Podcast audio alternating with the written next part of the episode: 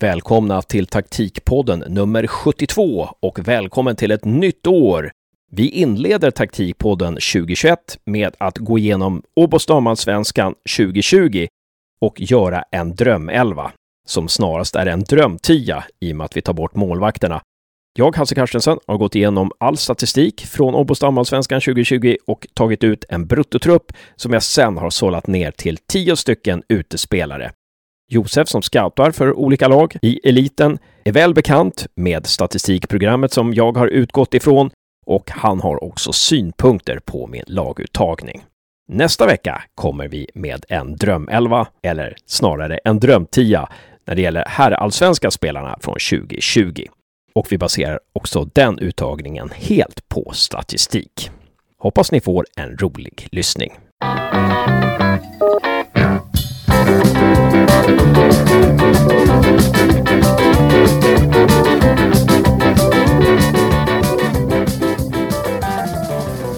Ja, då ska vi i taktikpodden för första gången försöka oss på att ta ut en drömelva från Åbos damallsvenskan 2020 enbart på statistiska data. Eller vi, säger jag. Det är snarare jag, Hasse Carstensen, som har gjort det. Josef, du brukar jobba i just det här, vi behöver inte nämna statistikprogrammet, men du brukar jobba i det här statistikprogrammet när du scoutar spelare för lag som du jobbar för. Välkommen Josef förresten. Tack så mycket.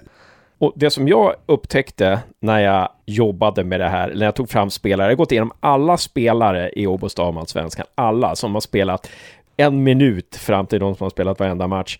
Det jag upptäckte var att det här statistikprogrammet gynnar inte forwards.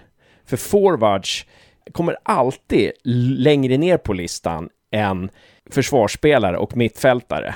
Och varför är det så? Ja, min teori är ju det att forwards tacklar inte lika mycket. Man vinner inte lika många dueller, man är inte inblandad i lika många närkamper. I och med att man ofta deltar i första pressen i försvarsspelet så förlorar man fler bollar än man vinner. Alltså en forward spelar mer chansartat och har sämre odds. Oddsen är alltid på försvarsspelarens sida. Eh, det är i alla fall min uppfattning. Det är min teori. Jag vet inte om du har någon teori? Jag håller med dig delvis, men jag tycker att datan visar hur komplett en forward är. Är forwarden bara bra på att göra mål eller är det en spelare man kan använda i de olika omställningsmomenten och även i försvarsmomentet? Den internationella synen, om jag hänvisar till Kiese Thelins intervju, är ju att eh, en forward ska ju bara göra mål, europeiskt sett. Medan i Sverige så tycker man att en forward ska vara med med och, de- och vara mer delaktig så mycket mer. Eh, så jag kan ju tycka att visst, det kanske inte är fördelaktigt för forwards, men är en forward mångsidig så tycker jag att det syns väldigt mycket tydligare. Bra klargörande. Helt klart är ju i alla fall att de här listorna, index, det är index som tas fram i de här programmen, i de här statistikprogrammen, när man sammantar alla fakta mm, som en spelare gör. Ja, det totala indexet, där ligger i alla fall forwards mycket lägre än försvarsspelare och mittfältare. Men det finns teorier om att en spelare bör ligga på ett visst index för att eh, vara en bra spelare.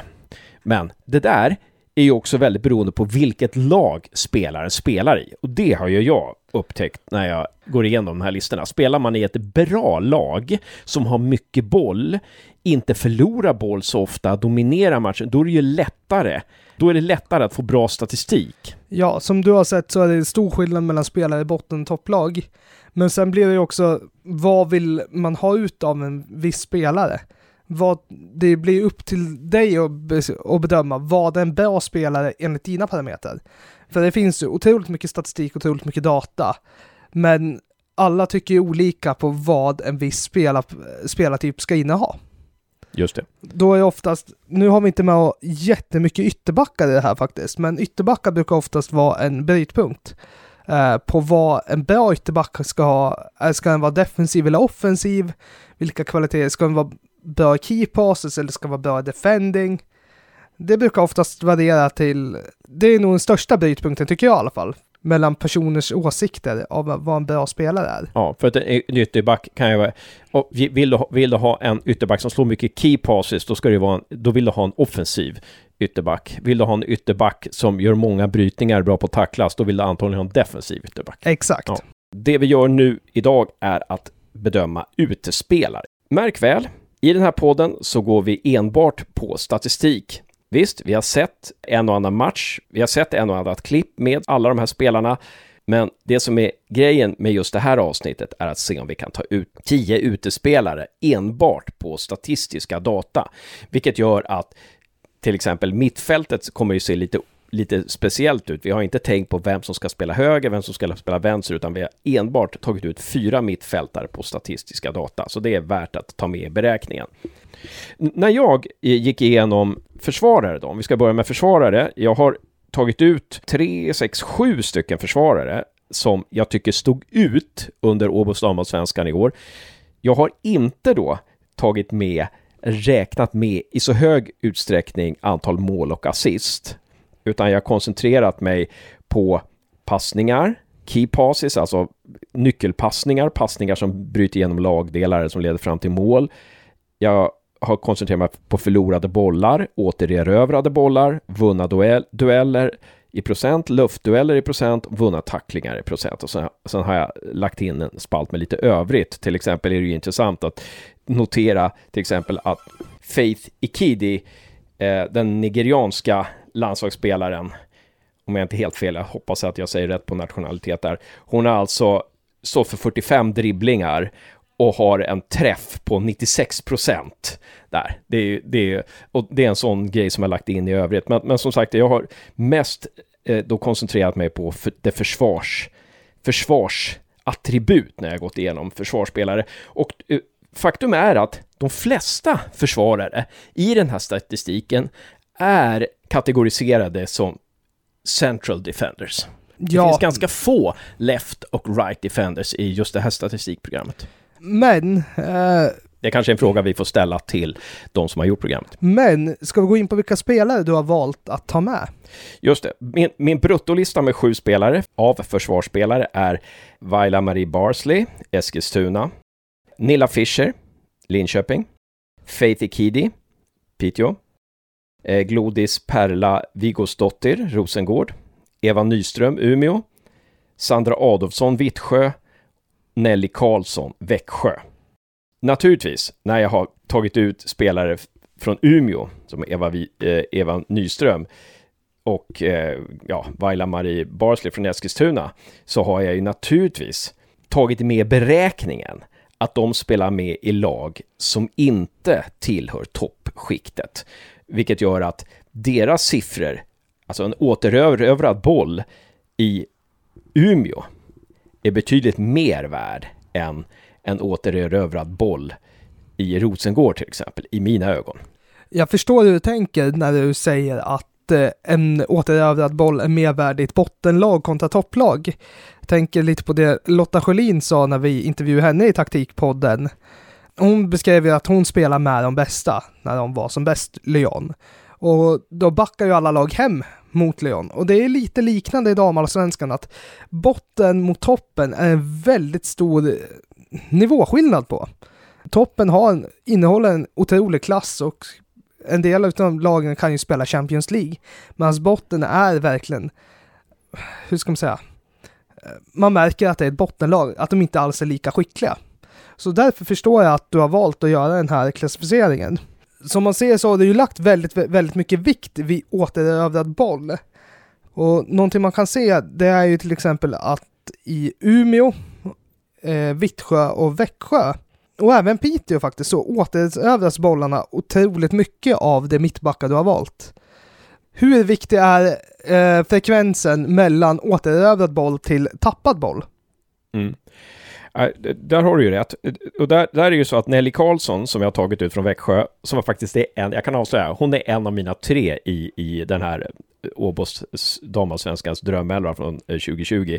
Eh, kanske ett sensationellt val och jag vet att du ifrågasätter det valet. Hon tappar ju 201 bollar. Å andra sidan så utsätts hon för en hårdare press än vad till exempel Nilla Fischer gör som bara förlorar 70 bollar. Men Nelly Karlsson vinner då 230 e-, erövrar 230 bollar. Och det är ganska mycket. Det är alltså en av de bästa, eh, den bästa statistiken i hela dam och damallsvenskan. Ehm, jag vet, ja, hon kommer i topp, i alla fall topp tre där.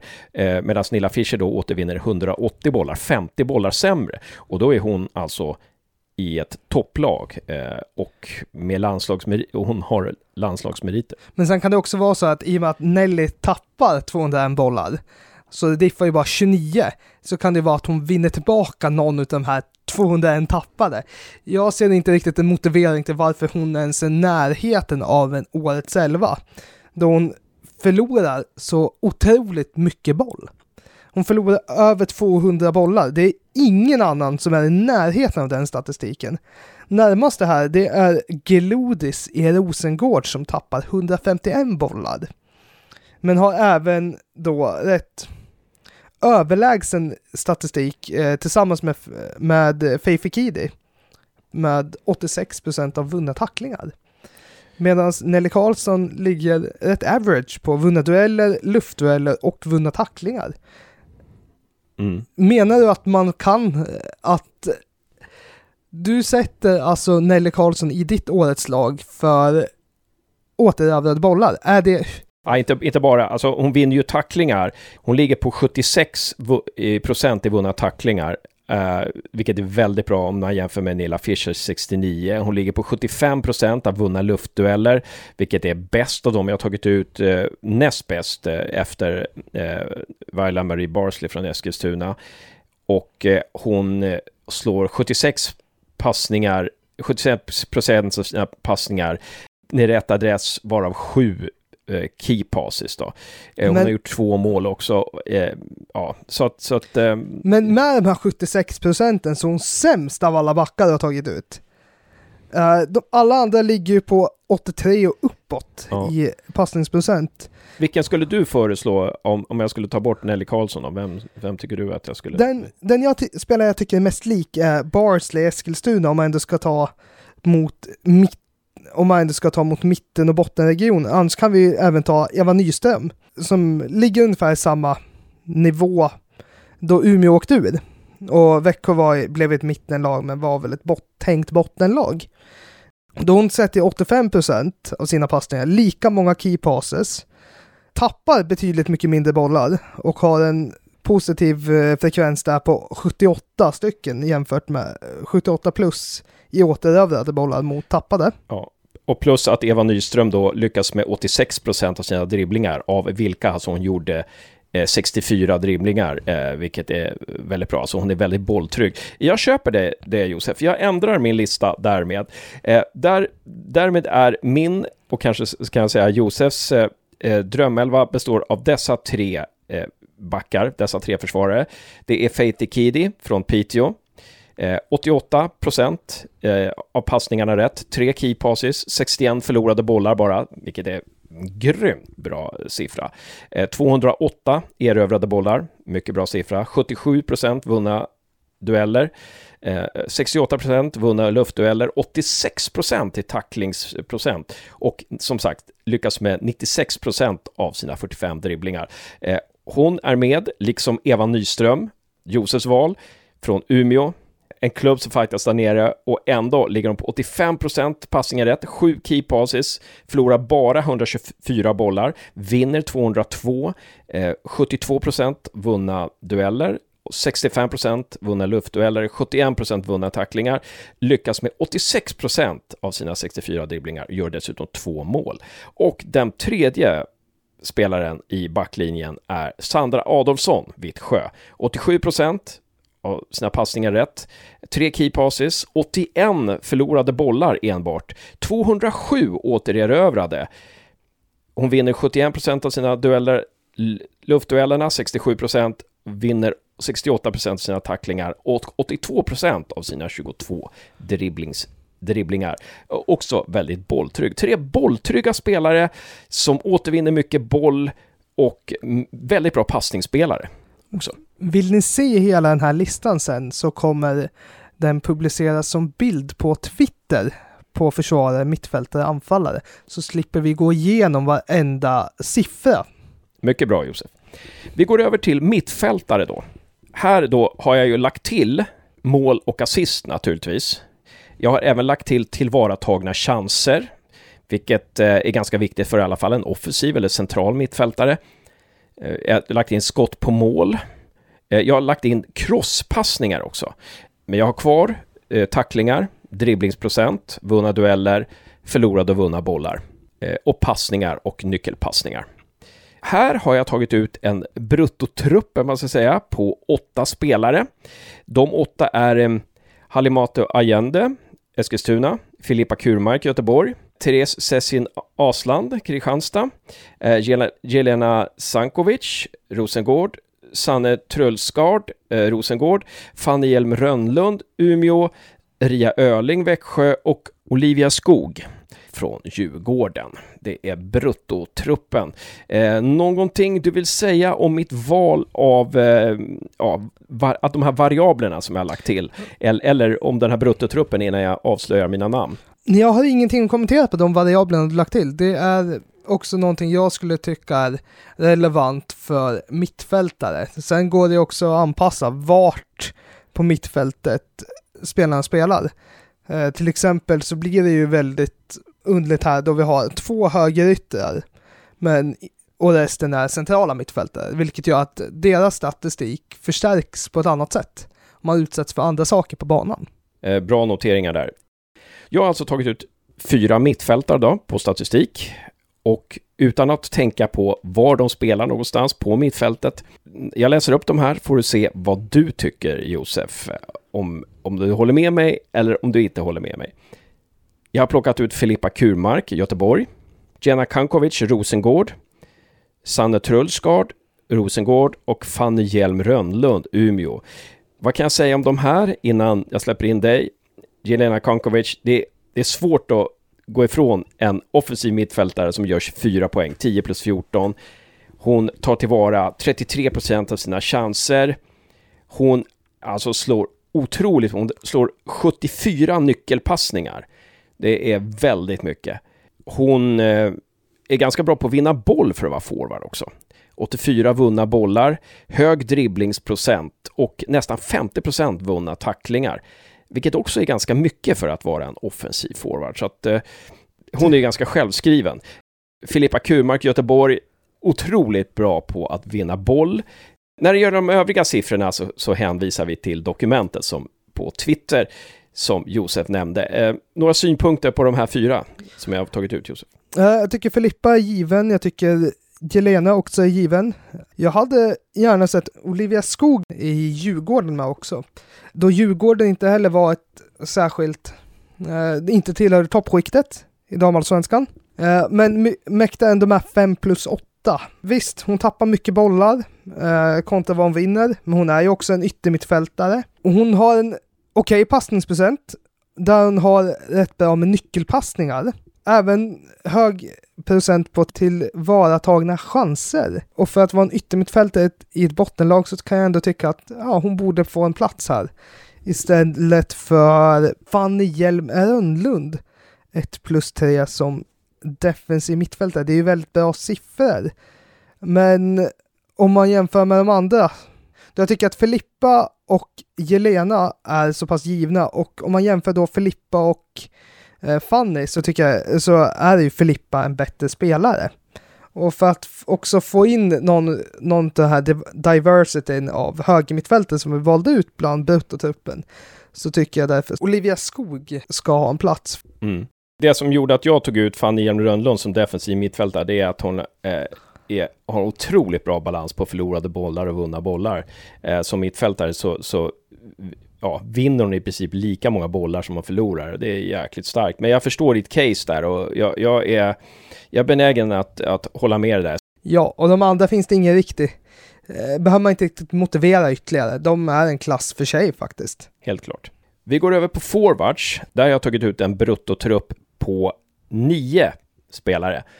Felicia Rogic, Eskilstuna, Paulina Hammarlund, Göteborg, Stina Blackstenius, Göteborg, Fernando da Silva, Piteå, Anna Anvegård, Rosengård, Therese Simonsson, Umeå, Signe Holt, Andersen, Växjö, Emelie Gielnik, Vittsjö och Karin Lundin, Örebro. Och här har jag ju då naturligtvis koncentrerat mig på de offensiva skillsen. Jag har ju lagt in eh, expected goals här och sen har jag ju då de här spalterna som förut hette vunna dueller och nickprocent och sånt där, de har jag bara kallat för teknik och brytningar där och lagt in en ungefärlig procent på dem. Det som är värt att notera är ju att skyttedrottningen Anna Anvegård som gör hela 19 mål. Hon gör inga assist, men hon gör 19 mål och hon ligger på minus på XG, så hon skapar fler chanser än hon gör mål på. Så att där kallar jag för att en, en minus XG, alltså hon skulle kunna göra ännu fler mål där. Och de som jag kallar för plus XG, det är de som skapar kanske färre chanser än de gör mål på. Det vill säga att de gör mål på sånt som egentligen inte leder till mål, vilket ger liksom en liten extra skill i mina ögon då. Men... Um... De tre spelarna du har valt ut, i och med att vi har tre backar, fyra mittfältare, så innebär det att vi kommer att ha tre anfallare. Så vilka tre anfallare har du valt, Hasse? Ja, där har jag valt Anna Anvegård, naturligtvis Rosengård. Det går inte att snacka bort 19 mål. Hon har dessutom väldigt bra skottprocent, alltså hon, hon skjuter 26 på mål av 59 skott, vilket är väldigt bra. Hon har 27 key passes, så hon är en väldigt bra passningsspelare också. Hon slår 22 crosspassningar. Sen har jag Paulina Hammarlund, Göteborg, 12 plus 8. Också statistik som är svår att snacka bort. Och hon slår hela 44 key passes. Men hon är precis som Anna Anvegård så skapar hon mer chanser än vad hon sätter, så hon skulle ha kunnat göra mer mål, alltså fler mål egentligen när det gäller expected goals. Sen har vi eh, sist men inte minst då Emily Jelnik från Vittsjö, eh, landslagsspelare från Vittsjö där, 8 plus 4 hon sätter 30 skott på mål av 62, det är väldigt starka papper. Slår 34 crosspassningar och tappar väldigt, väldigt få bollar dessutom. Väldigt, väldigt intressant. Jag tycker också Jelnik känns som en bra anfallare bara för att det är både mål och assist. Anvegård, eh, det kvittar att hon inte gör assist för att hon gör så fruktansvärt mycket mål. Hammarlund är självskriven 12 plus 8, otroligt bra. Eh, poäng, eventuellt poängliga, eh, inte vinnare, men kom i toppen efter Jelena. Eh, jag tycker dock att Felicia Rogic ska ha en plats istället för Jelnek. Jag tycker att visst, Jelnik är riktigt bra, 8 plus 4, men Eskilstuna var ett riktigt bottenlag. Och då har de rätt liknande statistik. Eh, om man ser till skott på mål var 21 av Felicia, av 40 avslut, medan Gelnik hade 30 avslut på mål av 62. En mark, ett ordentlig ökning. Och båda ligger ungefär på 50 procent. Eh, och därför är det imponerande att Felicia gör mer mål. Eh, att hon inte gör assist kan jag tycka är okej, okay, för de ligger ändå på liknande key passes. Eh, crossprocenten ligger ju dock bättre på Emily, men är det, jag tycker inte det är jätterelevant som anfallare. Visst är det bra procent, men nej, inte det viktigaste. Där, jag, jag, förstår det helt Josef. Där kan man ju faktiskt också lyfta fram Karin Lundin i Örebro som ligger på 11 plus 1. Örebro slutar ju ja, några placeringar ovanför Eskilstuna, bara tre poäng före dock. Och 11 plus 1 i ett, får vi säga, ett lag på under halvan, ett bottenlag måste vi ändå säga, är väldigt, väldigt starka papper också. Så att eh, ja, hon ligger också bra till. Ja, absolut. Uh, av 22 skott så gör en mål, som går på mål så gör en mål på 11. Eh, dock så sköt hon ju 54 skott, så hon... När hon väl träffar mål så blir det ju mål till 50 chans. Men det är det jag tyckte var så imponerande med Felicia, att eh, hon skjuter bara 40 skott. Och 21 av dem går på mål och 11 i mål. Skulle hon spela i topplag, det här var jag skulle hon spela i topplag så skulle hon komma till mer chanser och antagligen göra mer mål. Det som gjorde att, att jag tog ut Emily Jelnik från Vittsjö var ju det att hon har väldigt bra statistik i övrigt. Eh, alltså hon tappar väldigt få bollar. Eh, det är precis som Stina Blackstenius, tappar också väldigt få bollar. Och det är väldigt ovanligt för anfallare att man, att man... För som anfallare så är det ju så att man spelar väldigt mycket på chans. Oddsen är emot den. Och, och därför var hennes statistik just med tappade bollar otroligt intressant där. Eh, men jag gör samma sak här, att jag ger med mig Josef. Men, ja. jag ger med mig på din åsikt jag tror att Karin Lundin får platsen i laget av anledning att hon gjorde ändå en assist och har väldigt liknande siffror till Felicia. Samt att båda var bottenlag. Och eh, det är intressant, här, för Karin har ju också lite bättre statistik än Felicia Rogic där, när det gäller teknik och brytningar och sådär. Eh, hon ligger ungefär 10% i snitt över eh, Felicia. Så nej men bra, då enas vi om Paulina Hammarlund, Göteborg, Anna Anvegård Rosengård och Karin Lundin Örebro i eh, drömelvan av utespelare ska vi säga och i Åbostavan Svenskan 2020. Ja, ni som har synpunkter på vårt resonemang, ni som tycker att vi har glömt spelare, ta och skriv till oss på Twitter eller ta och mejla oss på taktikpodden gmail.com. Vi vill gärna höra era åsikter. Och vill ni starta en diskussion på Instagram också så är det fullt möjligt. Där heter vi Taktikpodden understreck Insta där på eh, Instagram. Bra Josef. Nej men eh, då kanske vi är i hamn när det gäller eh, drömelvan i Åbo svenska när det gäller utespelare 2020. Ja, och den här podden släpps ju 2021. Så vi får önska ett gott nytt år, eller en god start på året. Nästa vecka är det tänkt att vi ska ta och göra en liknande statistisk genomgång av allsvenskan herrar 2020 och ta ut en drömelva, eller en drömtia blir det ju, av utespelare på enbart statistiska grunder. Ha det bra Josef! Tack detsamma och håll till godo. Snart är vi även tillbaka med intervjuer efter den veckan. thank you